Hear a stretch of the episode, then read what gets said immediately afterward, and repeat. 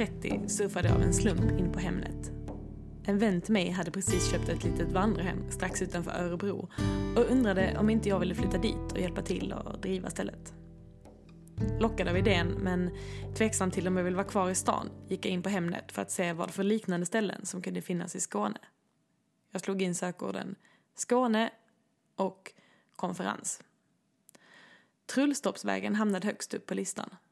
En liten Skånelänga med butikslokal strax utanför Malmö. Jag klickade in på annonsen och innan jag ens hunnit scrolla igenom bilderna eller läsa hela beskrivningen så visste jag att jag skulle bo där. Det var bara rätt. Knappt en vecka in på vårdcentralsplaceringen på AT'n bad jag om ledigt för att åka till Skåne och titta på huset. Det gick rysningar i min kropp när jag vandrade omkring i huset. Hjärtat bultade och magen pirrade så mycket att jag inte ens såg mig omkring. Jag tittade ner i golvet. Jag hade en lustig känsla i kroppen av självklarhet. Stengolven, vidderna, de vitmålade träbjälkarna, leran och träden. De röda knutarna och snedtaket på vinden. Veckan efter kan ha varit den mest intensiva i mitt liv. Aldrig har en vecka gått så fort och så långsamt på samma gång. Jag räknade på alla möjliga insatser och omkostnader. Fick med mig mina föräldrar på att stötta mig på ett bolån långt över vad jag egentligen har råd med. Bestämde mig för att flytta till Skåne och sökte jobb. Bara några dagar senare la vi ett bud och huset blev vårt. Eller mitt. Fråga mig inte hur jag tänkte, för det gjorde jag inte. Hjärtat talade högre än någonting, överröstade allt och lämnade mig med en övertygelse om att det fanns inte några frågor eller något tvivel överhuvudtaget. Och när allt känns rätt, när hela ens system är 100% inställt och går åt rätt håll så löser man väl det mesta andra. Saker och ting blir inte så svåra då. Det är kanske det konstigaste men samtidigt det allra mest självklara beslut jag har tagit i hela mitt liv. Jag är uppväxt i en villa, men har aldrig någonsin bott på landet.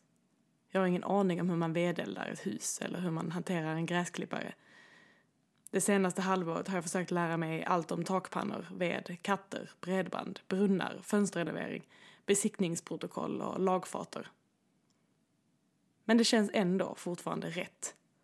Och jag slås över hur lätt saker och ting känns då.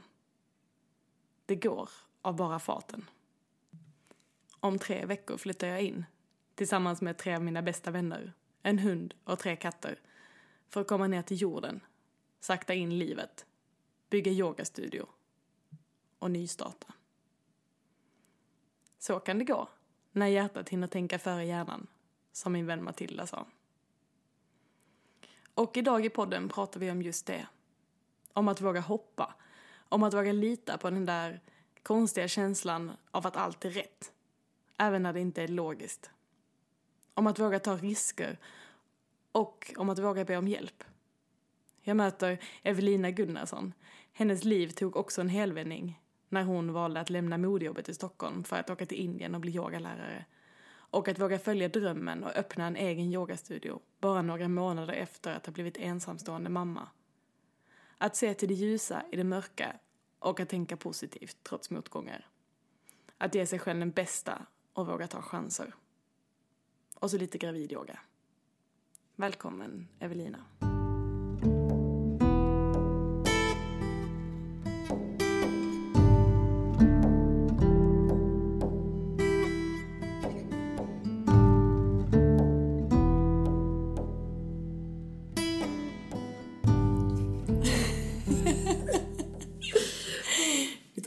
Rekord och vi börjar. Ja. Nu sitter jag här med dig Evelina och vi ska prata om livet och yoga och mammaskap. Mm.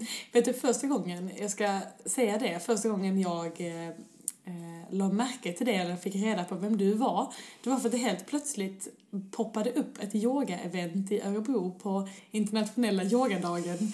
Och jag tyckte att jag var ganska inne i yogasvängen och hade varit med på alla de här eventen som hände och hade lite koll på yogalärarna och helt plötsligt dyker en eh, ny tjej upp från ingenstans och har dragit 500, ja. 200, 800 massa hundra människor till Stadsparken. Ja. Eh, på ett fantastiskt bra yogaevent. Mm, tack. Och eh, jag var där såklart och eh, det öppnade mitt hjärta och eh, jag tänkte det där är en inspirerande tjej, henne vill jag prata med. och nu sitter jag här. Ja, tack snälla, vilka fina ord. Tack. Och nu är du eh, yogastudioägare och yogalärare Mm. och mamma. Ja, Precis öppnat en yogastudio som jag gick förbi på vägen hit och såg att det var full fart. ja, ja, de har klass där nu. Mm. Det, det, jag blir väldigt glad, eller jag blir väldigt varm i kroppen när jag tänker att, att nu har de klass där. Det är massa tända ljus och det är massa människor som rör sig och, och sträcker på sig och andas och landas och, och mår bra i någonting som, ja, jag vet inte, jag, jag blir, det är en väldigt, väldigt eh, eh, fin och eh, härlig känsla. Det är en väldigt fin studio. Ja, tack. Tack. Ja, det börjar, det börjar ta form. Jag tänkte börja som jag börjar podden de flesta gångerna det senaste året. Och eh, du ska faktiskt få presentera dig själv. Men du ska göra det genom att svara på frågan vad är det bästa med att vara du? Oh, det bästa med att vara jag är ju att få vara mamma till min son. Det är ju, det tycker jag är det bästa. Att, att just Jack är min son och att jag får vara mamma till just han, det tycker jag är det absolut bästa med att vara jag. Utan, utan tvivel. Och då kommer 10 000 kronors fråga nummer två. Hur blev du du? Eh, Alltså jag, jag blev ju, eller jag är, jag är ju jag jättemycket tack vare eh, min familj och de som finns runt omkring mig, de som har funnits med mig hela tiden. Eh, jag har ju en jättestor familj och väldigt många nära och kära som, som har älskat mig villkorslöst i hela mitt liv. Eh, och jag är helt säker på att eh, jag är den jag är tack vare dem. Och det är många, liksom. det är inte heller bara en. Det är klart att min mamma, min mamma är min mamma och min pappa är min pappa. Men jag, det är väldigt många fina eh, människor som både är familj men, men som också är som familj fast de kanske är rent biologiskt inte är det. Mm. Det osar kärlek. Ja. Och, det, och så här, eh, hår står i nacken. Reste lite på sig när du berättade för, innan vi satte på micken här att din stora dröm var att bo på en gård på landet med alla. Ja, allihopa! Och det är bara jag som vill det också. Och vi brukar skoja om det, att det är bara Ebbe som, Evelina som vill det. Men det är drömmen att ha mina bröder i varsitt hus och mina systrar och, och sådär. Och deras familjer och att vi liksom bara kan gå förbi varandra och vi käka middag ikväll eller barnen kan leka med varandra. Och, Jag tror att det, den närheten är ju en, en... Jag har ju bott väldigt långt ifrån flera av mina syskon under stor del av mitt liv. eh, Och jag har verkligen saknat att vara fysiskt nära. Vi behöver det. Ja, oj vad vi behöver det. Alltså beröring, allt ifrån beröring till liksom, till att, eh, ja, att kunna bara ses spontant. Eh, och ta en kaffe eller käka eller kolla på film eller en serie. Eller, alltså det är ju otroligt. Det ger ju så mycket tillbaka. Som sagt, det, det osar kärlek. Men vad är kärlek för dig? Eh, kärlek är eh, omtanke. Jag tycker också att kärlek är att ge utan att eh, förvänta sig att få någonting tillbaka. För mig är det jätteviktigt att, att göra saker utan att ha en baktanke, utan att... Utan att... Eh, ja, utan att förvänta sig. Ja, ja, det, ja, det är kärlek. Och kärlek är ju jättemycket. Det, det går svårt att säga bara några ord sådär men eh, det är ju... Jag tycker kärlek är allt. Kärlek är det viktigaste. För mig är liksom kärlek är min religion. Kärlek är min, eh, mitt sätt att förhålla mig till andra människor. Mitt sätt att förhålla mig till beslut. Eh, det, jag tycker att det är liksom allt. Eh, hela tiden. Alla mina beslut grundar sig i det. Ja, det gör det faktiskt. ja, det gör det. Och sättet som du delar yoga på. Det kan ju inte alla som lyssnar här som inte har eh, fått känna den känslan liksom. Men det är väldigt mycket kärlek i det. Det märks att du älskar det du gör. Och det är väldigt fint att få lov att ta del av det. Mm. Så tack. Tack själv. Tack. Men eh, om vi backar bandet lite. För eh, tio år sedan och fem år sedan, hur såg ditt liv ut då? Och eh, Ja, alltså jag har alltid jobbat supermycket. Jättemycket, ända sedan jag var liten. Jag är verkligen uppväxt i en familj där man jobbar mycket och jobbar hårt och man tar i liksom. Och, och, eh, jag har alltid gjort det, jobbat jättemycket på olika ställen. Och jag har jobbat väldigt länge på H&M både i butik och på huvudkontoret i Stockholm. Och jag, har alltid, jag är uppfostrad att man är lojal liksom, till sitt jobb. Så att jag har alltid jobbat mycket. Och livet, jag har bott i Stockholm sedan jag var 16 år. Mamma och jag flyttade dit när jag var 16. Eh, så att jag har ju växt upp där eh, och haft två hem. Jag sa alltid att jag åker hem till Örebro och jag åker hem till Stockholm.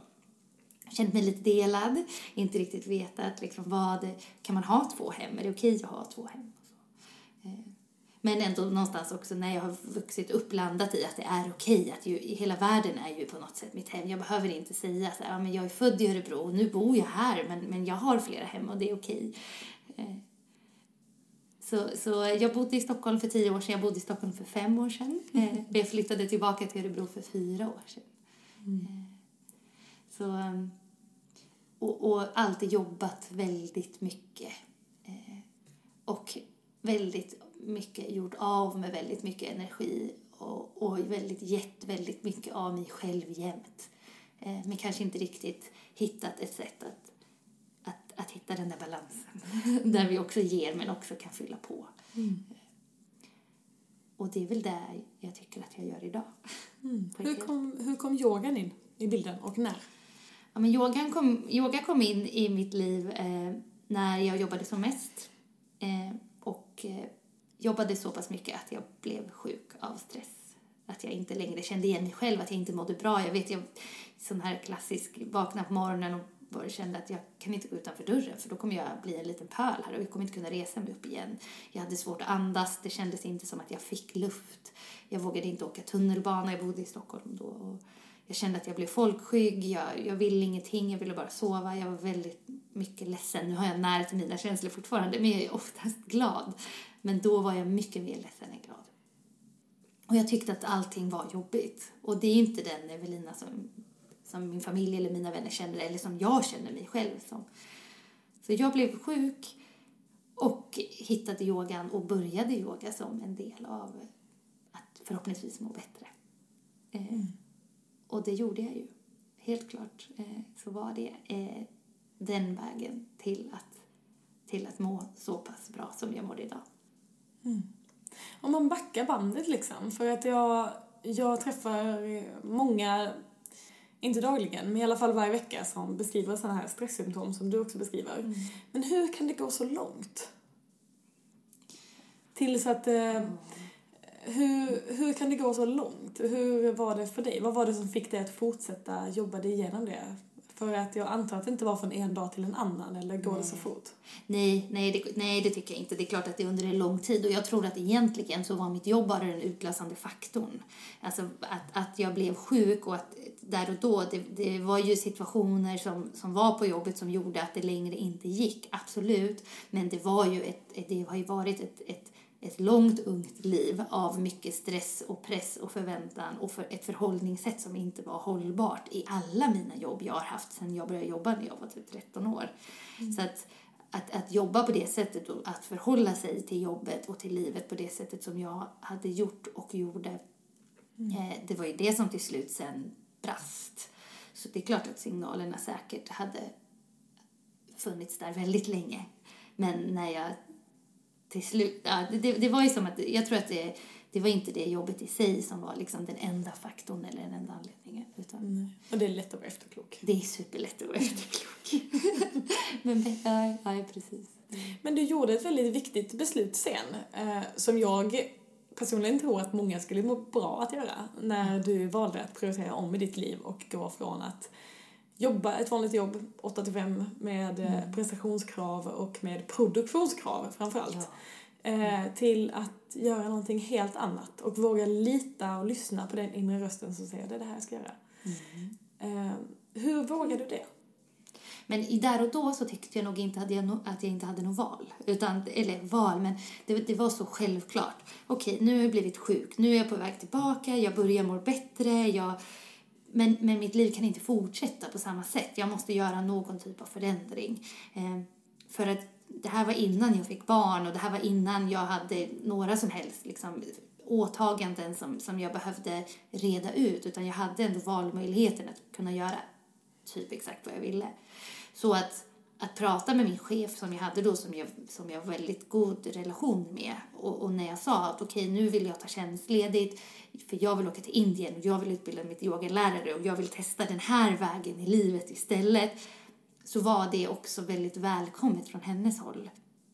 Och hon uppmuntrade mig och tyckte det är klart att du ska göra det här. Eh, vad roligt Evelina, vad glad jag blir för din skull. Och jag menar, det är ju otroligt lyxigt att, att vara på en arbetsplats där ens chef blir glad när man ska lämna. För hon såg ju till mig som liksom människa. Eh, och, och jag vet att hon var ledsen liksom, som förlust att, att jag inte kanske skulle jobba där längre. Eh, men jag tog också tjänstledigt med eventuell tanke att jag skulle komma tillbaka.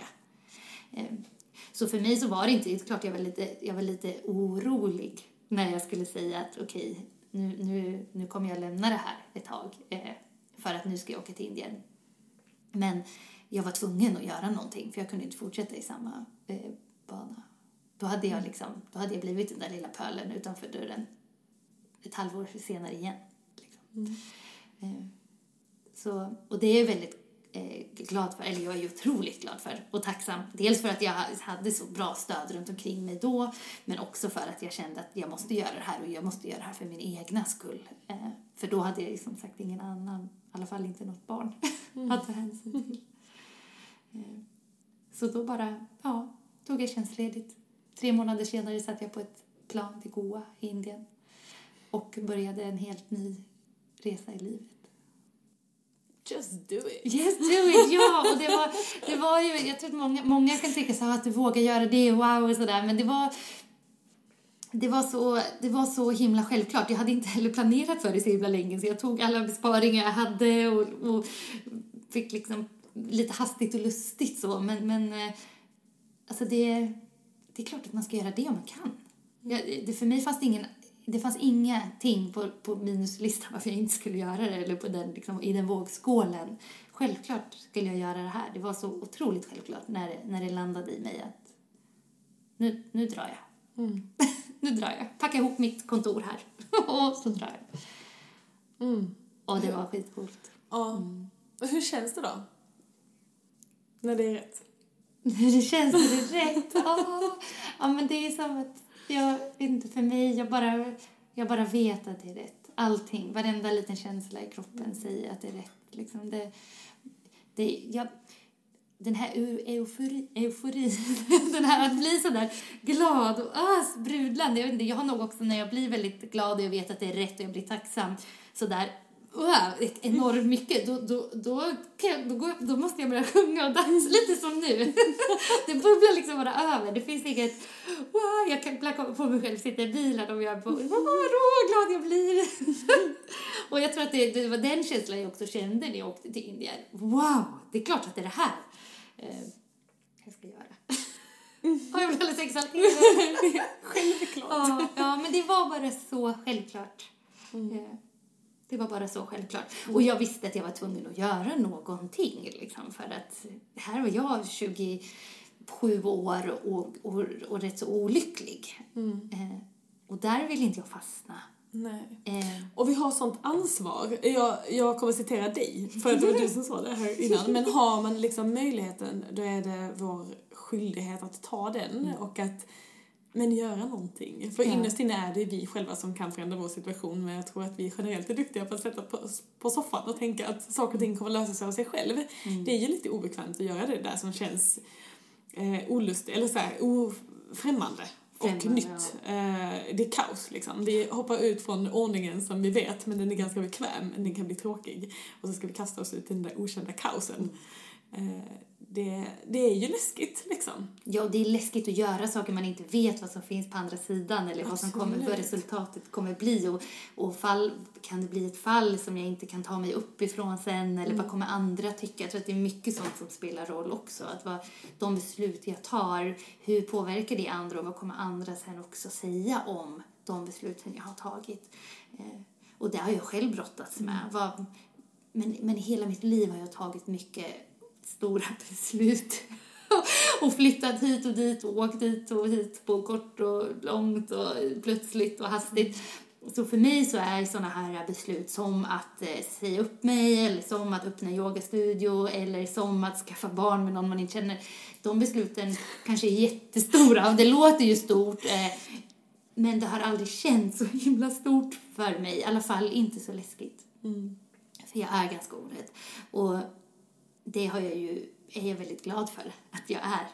För att visst att vissa av de här resorna har varit tuffa, men vad bra det har blivit. Vad bra det har blivit. Så att, eh, eh, ja, jag tycker att fler borde prova. fler borde bara köra. Det här liksom, kör bara kör, det kanske känns lite uttjatat, men fasiken, ibland skulle vi behöva ha lite sån jäklar anamma. Jag kör. Så kanske det är lätt att säga när man är född här och, och, och med det liksom stödet och, och de förutsättningar som, som både du och jag har.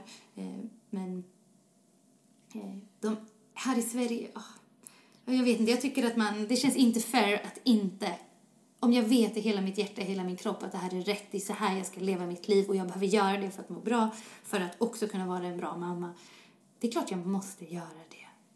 Jag kan inte, jag kan inte bara sitta och tro att det ska liksom komma och knacka på dörren, att lycka ska komma ett brev på posten, för det gör inte det. Det är ju någonting som jag själv måste skapa och forma. Och vissa dagar är det lättare än andra, precis som med allt i livet. Men det, det är ingen annan som kommer skapa min innersta, starkaste lycka. Det är bara jag själv. Och jag tycker att det känns jättelyxigt att få göra det också. Det är ett stort ansvar, men, men det ansvaret är inte förknippat med ångest för mig. Det ansvaret är liksom, jag tycker jag är peppande. Eh,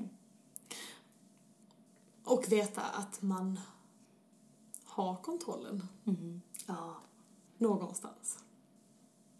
Jag sitter här och funderar på min nästa fråga för jag tänker jag har världens enklaste liv, jag bor i ett kollektiv eh, med massa andra vuxna människor bara, inga barn. Eh, vi, vi har, liksom- det är liksom världens enklaste hem att sköta. Jag har ingen partner, jag jobbar heltid men med fasta rutiner. Men jag har ju ändå svårt att få ihop mitt liv liksom. Jag borde inte klaga, eller jag klagar inte. Men så ser jag på eh, personer som du som bara gör allting. Och det går som en dans. Det öppnas yogastudios, det går yogautbildningar, det hålls klasser. Du eh, bor dessutom ensam med ett litet barn eh, och axlar på något sätt det och så tänker jag, vad, vad, hur gör man? Liksom? Vad, hur får man energin att räcka till? Hur får man tiden att räcka till? Var kommer disciplinen ifrån? Eh, men samtidigt så ser jag ju svaret utan att jag behöver ställa frågan. För, eh, vad skulle du säga är svaret? Ja, men det, jag tycker att det är lite där du pratade om i början. Alltså jag tycker att, att, om, att, att kärlek genomsyrar allt. Att, att, att, kärlek, att kärlek till, till andra människor, att kärlek och acceptans och förståelse och ödmjukhet inför människors likheter och olikheter. Att allting inte behöver vara perfekt hela tiden. Att jag är också trött. Att, att Jack också, Jack min son, att han, att han också har nätter där det är jobbigt. Alltså det, det, det bara går, det löser sig. Jag känner att det inte... Jag vet ju inget annat heller. Det är klart att det är, är stunder när jag har gråtit och tyckt att det har varit jobbigt att vara ensamstående mamma eh, till en, ett så litet barn. Att eh, det ansvaret, det ekonomiska ansvaret, eh, att, att jag ska forma och skapa ett, ett trygg, en trygg uppväxt till honom. Eh, att jag behöver ha pengar in på kontot för att kunna betala hyran, köpa mat, kläder, allt vad det innebär. Inte bara längre till mig själv utan faktiskt till en liten människa. Men han är så trygg. Alltså han är så trygg och vi, jag har inte, vi är inte superfett liksom, rent ekonomiskt och, och men, men vi, han är så trygg och, och vi är så lyckliga. Och det i sig ger så himla mycket tillbaka och det gör också att jag känner att jag måste skapa ett liv där jag mår bra för att kunna vara en bra mamma så att han också mår bra. Eh, så det, det, bara, det bara fortsätter hela tiden i den, liksom, med, med den tanken så, och i alla beslut för att jag alltid har varit så tror jag. Så, så går det. Och det är klart att det, det är skitjobbigt ibland, det ska man inte tro. Vi var magsjuka veckan och att vara magsjuk, jag var magsjuk och Jack var inte magsjuk, det är ju supertufft.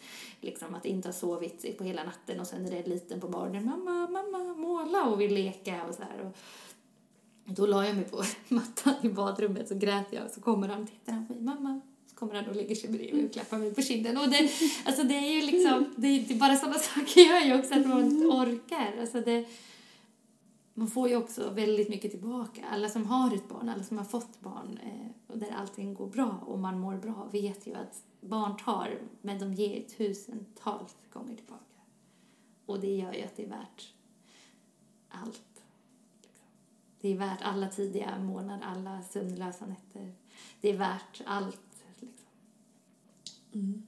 För man ska tillägga att det har, det är det har ju inte varit helt enkelt. Och att ta många beslut och att våga ta många chanser och hoppa många gånger innebär ju också att ta en del beslut som är svåra. Mm. Jätte, jätte, ja, verkligen. Och att, att ha beslut att, att flytta ifrån Jacks pappa och att, att leva själv med en tre månaders, ett tre månaders barn, liksom, som nybliven mamma och separerad. Och det är, är ju jätte jättetufft men det var också ett väldigt viktigt beslut som jag också är glad att jag tog. Eh, och det har ju också lett till att jag lever det liv jag lever idag och Jack lever det liv han lever idag och att vi mår bra i de, i de besluten och i det som har blivit. Eh, men också i sådana beslut som att bestämma sig för att inte ta ett vanligt jobb och jobba 8 till 5 och, och ha sin månadslön in på, på kontot och kunna vabba och kunna vara sjuk själv utan att känna en, en oro eller stress eller hur ser livet eller den ekonomiska situationen ut om ett halvår. Mm. Eh, för nu med yogastudio så är det ju, jag är egenföretagare och det är bara jag som äger mitt företag, det är jag som står på alla för det var där någonstans, du har precis fått ett barn, du har en tre månaders bebis, du mm. bestämmer dig för att eh, separera mm. och byta stad. Mm. Och eh, där någonstans bestämmer du dig också för att öppna en yogastudio och eh, följa din dröm och att fortsätta köra på det här livet som du har bestämt. Att det är så här jag vill leva. Jag går inte tillbaka och tar ett vanligt jobb utan jag måste vara lycklig och det är så här jag vill leva. Mm. Hur vågar man fortsätta tro på sin dröm och följa den? När livet ger en de utmaningarna? Jag tror att en viktig, eller jag vet att en viktig och avgörande faktor för att våga fortsätta har varit människors stöd runt omkring, människors pepp. Att omge sig med, med människor som, som peppar och stöttar och är fina medmänniskor. Eh, det är klart att jag själv har känt, jag har tvekat många gånger och speciellt sen vi, nu är vi inne på fjärde veckan som studion är öppen men när vi kom in, det är många, det är många situationer man har känt vad har jag gett mig in på? Hur, är det här så himla klokt? Och det är klart att det finns en del runt omkring mig som gärna vill säga att vad har du tänkt till nu och hur ska det här gå och jag vet, ja. Men jag själv har ju alltid varit övertygad om att det är den här vägen jag ska gå. Sen har ju frågan varit när. Vågar jag göra det här när Jack är så liten eller behöver jag vänta? Jag kanske ska jobba med någonting i fem år. någonting som gör mig lite olycklig men som ändå skapar en, en annan stabilitet och trygghet. Och så, får, och så får det här med yogan gå lite senare, i alla fall på det sättet som det är nu. Men, men under tiden, för jag började söka jobb efter mammaledigheten, jag började söka jobb och jag var på anställningsintervjuer till sådana här kontorsjobb och sånt som så många jobbar med. Och jag vet ju att jag kunde gå tillbaka och jobba kanske i butik och, och sådant där jag också har erfarenhet. Men någonstans, det kändes aldrig rätt. Det kändes som att jag på något sätt gjorde våld mot min egen vilja och mot min egen lycka. Eh, så när liksom det här att öppna en studio och också kunna öppna med andra yogalärare som hyr in sig, som också kan göra yogan till en större del av sitt liv. När det fick börja gro och när jag kunde prata med människor runt omkring mig som är stöd, som är positiva, som vill väl och som ser till min och Jacks lycka. När det har börjat växa, då, då var det bara självklart. Och när jag sen hittade den här lokalen där yogoteket nu ligger och jag började prata med mina vänner som är yogalärare som idag håller klass där. Så här, skulle du kunna tänka dig så här, ja det är klart, det är klart. Ihop med stöd från människor runt omkring mig mm. som peppade mig och sa det här löser vi, det här löser vi. Jag har ju en, en, en pappa och min pappas fru som är väldigt entreprenörer. De har ju varit jättestöd i att våga.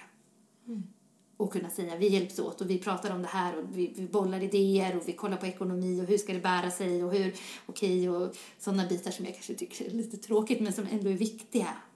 Att, att göra en budget, att kolla att vad händer och, och sen har jag ju inte, jag har ju hållit mycket yogaklasser men jag har inte plockat ut så mycket lön förut utan jag har sparat pengarna på hög för att jag inte känner mig helt säker i vad det innebär att driva en yogabusiness men vilket gjorde att jag också kunde starta ett aktiebolag och, och, och så vidare nu när det väl fanns utrymme för att göra min yoga så här stor i mitt liv. Mm. Så, så utan alla människor runt omkring mig som också hjälper mig med Jack för att vara ensamstående och våga satsa på en dröm på det här sättet eh, alltså Jack är ju mitt prio ett. Det är ju viktigast för mig att, att han mår bra. Men att min mormor, att min mamma, att min pappa, att mina syskon, att mina syskons flickvänner och pojkvänner, att alla liksom bara ställer upp och bara finns där. Bara, men det är självklart Evelina, det är klart. Mm. Det är ju liksom kärlek som bara direkt studsar tillbaka. Mm. Och det hade, det hade inte gått annars. Utan... Och, och nu en annan fråga som så här växer mig för att i, eh, i, i mitt eller för mig har det aldrig varit ett eh, större problem men jag ser det väldigt eh, ofta i kretsarna liksom, som vi hänger i ändå. Att det här med att be om hjälp. Mm. Att eh, det verkar vara någonting vi alla har ganska svårt för, för att vi vill klara oss själva och någonstans måste vi be om hjälp för att vi har varandra. Vi ska mm. ha varandra, vi ska be varandra om hjälp, vi ska finnas där för varandra. Det är därför vi är här tillsammans som människor på den här planeten liksom. Vi har vårt och vårt community. Mm. Hur är din inställning till det? Hur vågar du be om hjälp liksom? Nej men alltså jag måste, jag, jag vet inte, det är klart jag måste be om hjälp. Alltså det är ju så, eller be om hjälp, jag vet inte. Det är också så himla laddat sådär att be om hjälp att det skulle vara någonting dåligt eller någonting fult eller någonting svagt, att man inte får liksom. Men jag menar vi är ju en del av en helhet, jag är ju en del av en familj. Jag, det, jag tycker inte att, det känns bara självklart och fint. Jag var jättemycket med min mormor när jag var liten. Det är klart jag vill att Jack ska få vara med, med min mamma, med sin mormor och få den.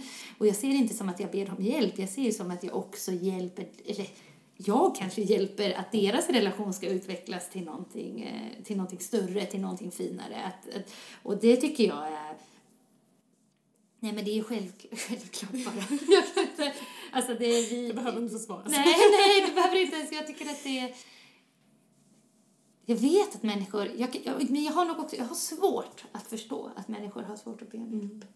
För jag tycker att det är bara en, eh, det är väl någonting fantastiskt fint att kunna hjälpa. Att kunna göra saker ihop. Att se saker som en, jag vet inte, jag tycker att det är superlyxigt att Jack får vara med mm. andra människor och knyta och bli dem. Eller att andra människor, precis som jag vill hjälpa människor jag tycker om, så, så hoppas jag att de vill hjälpa mig. Och det har ju människor mm. gjort jättemycket. Mm. Och delad glädje är ju femdubblad glädje. Ja, tusen alltså det, är ju, det är ju den bästa det som finns. Och, mm. och för mig så har ju hela det här projektet med att öppna yogastudio, jag hade aldrig kunnat göra det själv. Jag har inte den kompetensen att förvandla en gammal blomsterbutik till en yogastudio på fem dagar. Det hade aldrig gått utan den hjälpen som, som, som jag fick med alla mina familjemedlemmar och vänner och som bara liksom kommer helt utan förväntan att få någonting tillbaka. Kommer de från hela Sverige, från Stockholm, från Göteborg, från alla håll och kanter och bara sluter upp och tycker att det är kul. Det är roligt att få vara med och jag tycker att det är så himla lyxigt att de också känner att, att, det blir, att yogoteket blir en del av dem. Mm. Att de också känner sig hemma. Men här, det här har min lillebror gjort, det här har min syster gjort, det här har min morbror gjort, det här har min moster, den här väggen målad i min kille. Ja, men det är väldigt eh, fint på något sätt. eh, Och jag känner det när du pratar att det skjuts en sån här kärlekspil rakt in i mitt hjärta. Vi, eh, ja, och jag kan känna igen mig i det, för vi är också en familj där vi har hjälpt varandra ganska mycket, eller väldigt mycket. Och jag, jag är, jag har ställt upp för min storasyster. När hon startade sitt första företag och ville vara, ha ett städföretag så var det jag som åkte runt och städade. ja, du ser. Och när hon har haft sina stora barnloppisar nere i Skåne så har jag stått där också. Ja. Inte alla gånger, inte, det har inte varit möjligt. Men det är många gånger jag har åkt hem och för att vara med och Mm. vara på plats och hjälpa till från morgon till kväll. Liksom. Eh, men det är så fint kan jag tycka när man som familj samlas runt den, det konceptet. Mm. Och den eh, gemenskapen man bygger upp i en familj då, att det inte bara handlar om att vi ska träffas för att fira jul tillsammans eller fira påsk tillsammans, utan vi träffas i en annan kontext som, där, som bygger på att fylla varandras behov på något sätt, eller finnas där för varandra. Och man kommer livet så mycket närmare på ett fint sätt, tycker jag. Jag älskar det. Så att jag, jag känner den där, Ja, det, wow. ja, men det är, väldigt, det är ju en viss typ av, liksom, det, är ju, det är ju verkligen kärlek eh, Mm. långt in i kärnan, om det nu finns någon kärna av kärlek. Men jag tycker att det är, det är som mina systrar bor i Göteborg och de har bott där hela sitt liv i princip. Så att de har kommit hit på sina lov och helger och sådär. Så att vi har inte växt upp med varandra dagligen. Eh, mina systrar är tvillingar. Men de har ju varandra.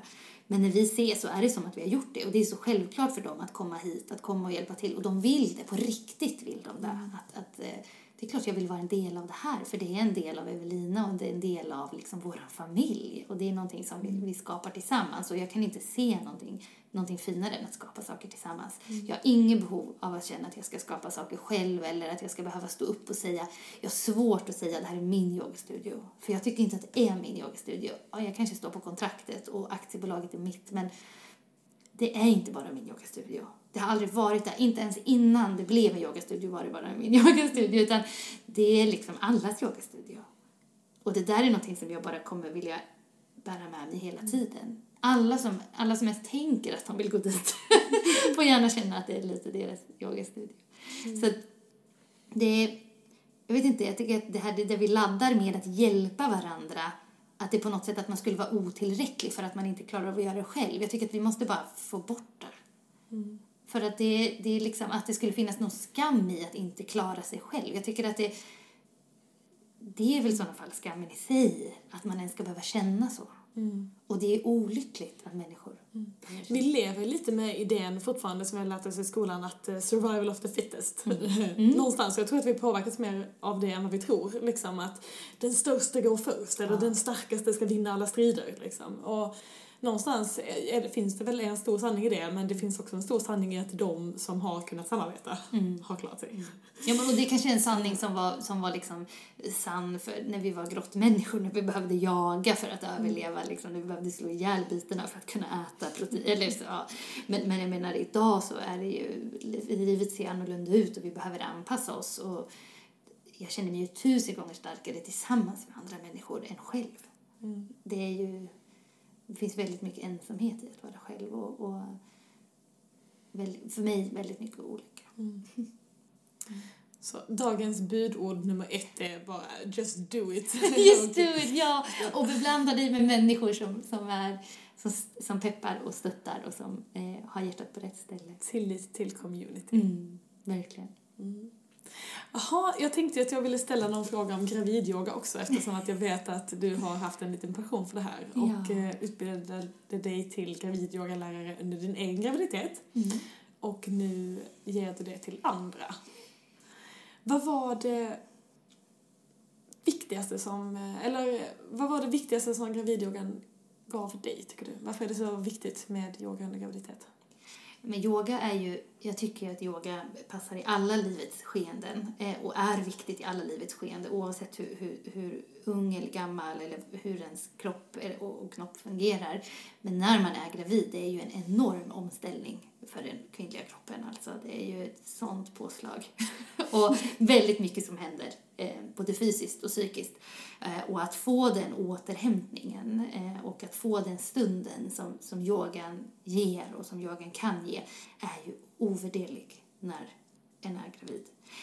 Och jag, dessutom så är ju yoga fantastiskt förlossningsförberedande. Så att, att gå på gravidyoga när man är gravid, det tycker jag att det borde typ vara obligatoriskt. det borde bara finnas på alla MVC, i alla fall som ett alternativ för att mammor som, blivande mammor eller mammor som ska få flera barn behöver den typen av omtanke och omsorg. Eh, och för mig så var det ju superlyxigt att få, få gå den utbildningen när jag var gravid för jag fick ju också en, en förståelse som jag antagligen inte hade haft annars. Mm. Så både som en, som en, en lugn och skön stund för den gravida kvinnliga kroppen men också som förlossningsförberedande alla dagar i veckan. Mm. och jag tycker det motståndet jag hör ofta är om jag är inte tillräckligt vig eller mm. ja, men har jag inte yogat förut, jag kan inte yoga så jag kan inte yoga nu. Mm. Passar alla och eh, kan man gå på gravidyoga även om man inte har haft någon relation till yoga förut? Absolut, ja, det tycker jag. Sen finns det olika typer av gravidyogalärare som kanske väver in olika saker och jag tycker väl snarare att man, man det beror på hur liksom kanske hur spirituell man vill vara i sitt utförande, hur mycket liksom man vill väva in mantran och sånger och andra eh, saker om man tycker att det passar en eller inte. Men alla kan ju yoga och du kan yoga som gravid. Sen kan det ju vara så att man har vissa grejer som händer med kroppen. Man kanske har foglossningar väldigt tidigt, eh, man kanske mår väldigt illa, man kanske är enormt trött. Eh, det kan ju finnas sådana typer av eh, tillstånd som gör att yogan behöver anpassas väldigt mycket. Men det är ju det som är bra, att kunna gå iväg på en gravidyogaklass i en yogastudio där det finns olika redskap som kan stötta upp och bulla upp och det finns en yogalärare man kan bolla med. Vissa behöver bara komma iväg och kanske i 60-75 minuter få vila, ligga ner på mm. sidan, bulla upp med lite sköna kuddar och få sluta ögonen. Och mm. det tycker jag är, är det det man behöver, då är det det man ska göra. Eh, Medan vissa är jätterörliga och känner sig väldigt starka i sin graviditet och känner att man snarare vill jobba med att bygga styrka och, och närvarande i, i andningen och så vidare. Så att, ja, absolut, men jag tycker att det är viktigt att man har en dialog med sin yogalärare om hur mår jag, både i min kropp och i mitt psyke och hur behöver jag då anpassa eh, yoga. Och vad har jag för förväntningar? Ja, och vad... såklart. Vad är det jag behöver och, och, och verkligen. Mm. Så att superbra att yoga när man är gravid. Mm. Eh, men man behöver tänka till lite. Och är man van yoga utövare, har man praktiserat väldigt mycket yoga så under graviditeten, det är inte tiden man ska kanske eh, utveckla eller prestera mer eller bli starkare eller mer flexibel utan man, man får gärna stanna där man var och, och landa lite i det för att vi blir mer rörliga när vi är gravida. Kroppen börjar mjukna upp och, och, och, så inför förlossning. Så att man behöver också respektera kroppen och den anatomiska delen i, i, i sin praktik. Och det faktum att man har en mage. Ja, det faktum att man har en mage. Ja, och det, ibland får jag påminna mig själv om att just det, vi Men det är så, man tar ju större kliv och bredare kliv och man kan inte röra sig på samma sätt. Men det tycker jag är fördelen med att, att ha varit gravid. Att jag någonstans, även om jag inte kan minnas exakt hur det känns att ha den där stora magen, för det glömmer en ju bort, men eh, som tur är, i alla fall i mitt fall. Men, eh, men det är klart att det är, man rör sig på ett annorlunda sätt, men väldigt mycket kan du göra likadant, mm. så länge du mår bra i din kropp. Mm. Och det är väl just det som kanske är kärnan också, att då om någon gång man behöver lära sig att känna sin egen kropp och jobba med sin kropp. Du sa förlossningsförberedande förut. Jag har ingen erfarenhet av det här för att jag har varken fött barn eller varit gravid, som sagt. Men att lära känna sin egen kropp antar jag är väldigt viktigt. Ja, ja men och, och, få den här stunden liksom. Det är ju många som, jag menar, du vet, du och jag, det är många som kommer och, och, och yogar som kanske inte har yogat sen förut som är noll koll på sina ben eller sina, man, mm. man har ingen kroppskännedom, man vet inte och jag menar det blir ju super, superviktigt när man sen också ska föda ett barn. Mm. För det är ju en pers att föda ett barn. Det är ju superhäftigt men det är också väldigt påfrestande. Mm. Så det är klart att allting vi kan göra för att för att träna på att andas, för att träna på vad är det som händer och hur funkar min kropp och hur känns det här och vilka lägen tycker jag är skönt att sitta i eller ligga i. Alla sådana såna ändå hyfsat simpla saker tycker jag också man får, får ut av att gå på en gravid yogaklass. Eh, Så det, man kan göra det väldigt sådär spirituellt och väldigt och känna in din bebis och känna hur den rör sig och personlighet och, och så till att träna på att andas ut som en ko. Att stå mot väggen och, och jag hade fantastiska eh, yogalärare när jag utbildade mig till gravidyogalärare. De vi pratade väldigt mycket om den kvinnliga kroppen och födandet och, och historien, hur vi har fött och, och förväntan och hur det ser ut idag och så vidare. Så det var jag har fått väldigt mycket sån input också och det känner jag väl att jag skulle kunna ta med, med, med de yogaelever som, som är öppna för det. Men alla är inte så. Så att det, det mesta vi gör är, är att vi är, tränar på att andas, komma ner i varv, släppa taget, slappna av, bli tunga i höften, bli tunga i axlarna, våga öppna upp mellan tänderna, slappna av i käken. Sådana hyfsat simpla, men som kan vara väldigt svårt när man är gravid. Och väldigt kraftfullt. Mm, väldigt kraftfullt. Och jag menar, vi vet ju det, ju mer vi övar på det, ju kanske lite lättare för kroppen att komma ihåg det sen i skarpt läge. Så jag tycker väl kanske att jag som, som yogalärare borde ha kanske andats annorlunda när jag väl födde barn, men, men det är klart att den här tyngden, och, ja men det, det finns väldigt mycket, väldigt mycket bra saker att plocka med sig. Mm. Födde du barn sittande i sukassarna? Nej, jag vet inte, jag hade ju en förväntan av det. Eller i malassan, jag skulle sitta där och skotta och säga det här, det här är perfekta sitsen att föda barn i, för höften slappnar av, du kan inte hålla emot överhuvudtaget. Alltså skoja inte, skulle, alltså att sitta, oj oj oj, jag bet i sängen för att jag, alltså jag, jag det var liksom som, ja, det var, vi hade en, en väldigt lång och tuff eh, förlossning. Så när det väl var dags att krysta därefter 26,5 timme av eh, verkar då, då fanns det inte så mycket eh, eh, känsla kvar för att vilja sitta i kassarna eller i malassarna för den delen heller. Då ville jag bara att han skulle komma ut. Det var jobbigt, men det gick ju också bra. Jätte, ja, det kom ju ut. Världens finaste lilla människa. Härligt. Jag tänker att vi ska ta ett långt andetag och så ska vi börja runda av lite grann. Och jag eh, sa ju det till dig att jag tänkte att du ska få dela någonting. jag brukar erbjuda min gäst att få lov att knyta ihop sig. Och jag blir lite nervös då, även fast jag håller tio yogaklasser i veckan. jag blir lite nervös, Elin. fick ju fem minuter på dig att förbereda det här medan vi satte upp eh, publiklistningen. Ja, jag tänker att jag lämnar över till dig. Trots din nervositet. Trots min nervositet. Jag tycker det är härligt att bli lite nervös nu för tiden. Sen jag passerar 30 så är det skönt att vara lite nervös ibland. Ja, men ja, jag tar vid. Ja. Jag tänker att eh, vart vi än är, hur eh, situationen runt omkring en ser ut så ser vi om vi kan sätta oss ner. Sluta våra ögon. Slappna av i utrymmet mellan ögonbrynen.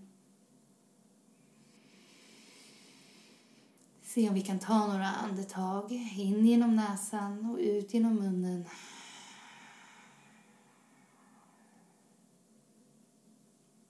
In genom näsan. Och ut genom munnen.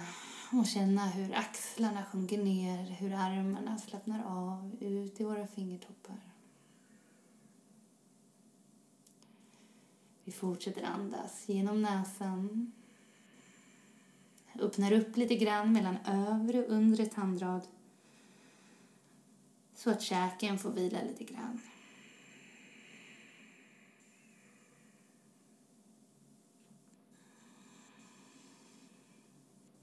Mm, våga landa lite i ljudet av vårt egna andetag.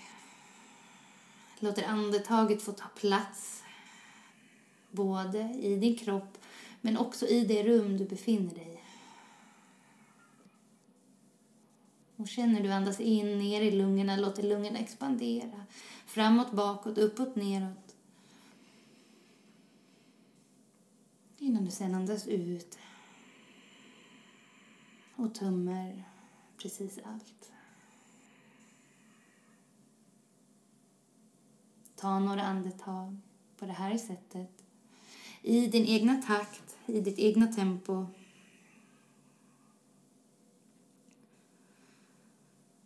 Lite luft mellan tänderna, lite avslappnad mellan ögonbrynen. Släpper vi taget om tid och rum. Och bara är en liten stund i oss själva, med oss själva.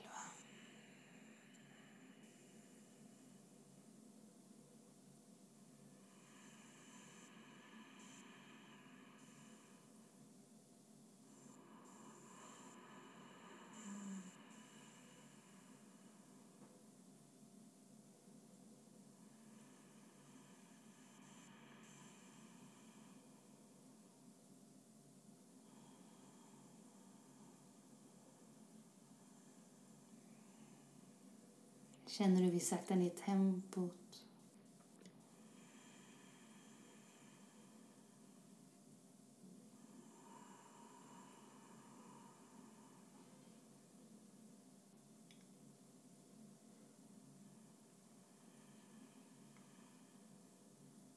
Oavsett hur det låter runt omkring dig, oavsett hur situationen runt omkring dig ser ut just nu, Låt din tanke få vila i ljudet av ditt egna andetag.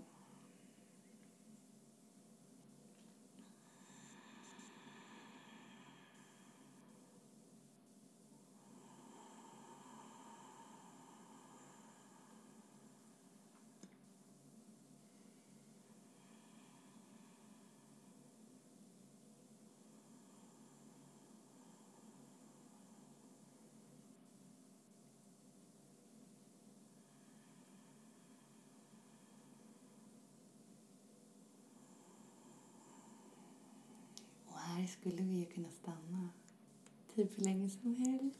Mm -hmm. Men det kan vi inte. Inte just nu i alla fall. Eller om man vill. Eller om man vill stannar man här för alltid. ja. Sitt kvar så länge du vill. Mm. Men vi smyger bort härifrån. mm. Och vill man hitta dig, Evelina, så hittar man det på yoghurtäcket helt enkelt. Mm. I Örebro eller på Instagram. Ja, eller på Facebook eller på internetet.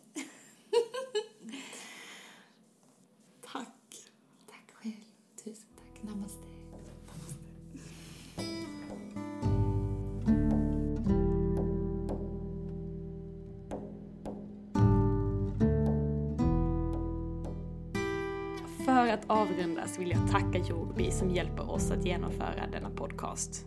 Men också för att det hjälper mig och över hundratusen andra att yoga, meditera och träna online på sina egna villkor och alltid med bas i ens egna förutsättningar.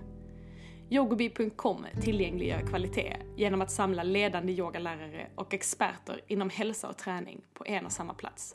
Online. Ett fantastiskt verktyg för en hållbar hälsa. Värt att nämna är också att Yogobi ger gratis medlemskap till alla studenter via mecenat samt att läkare kan förskriva FAR till tjänsten. Mer om det på farledare.se. Vill du komma igång med Yogobi gratis?